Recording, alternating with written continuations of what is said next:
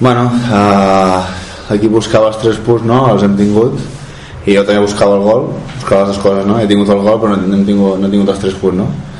Bueno, a mitges, no? Però també satisfet perquè és un bon rival, eh, en segons a, a la Lliga i és per alguna no? Jo crec que hem competit molt bé, en número escut jo crec que guanyar, però bueno, hem fet un punt que, que és important també.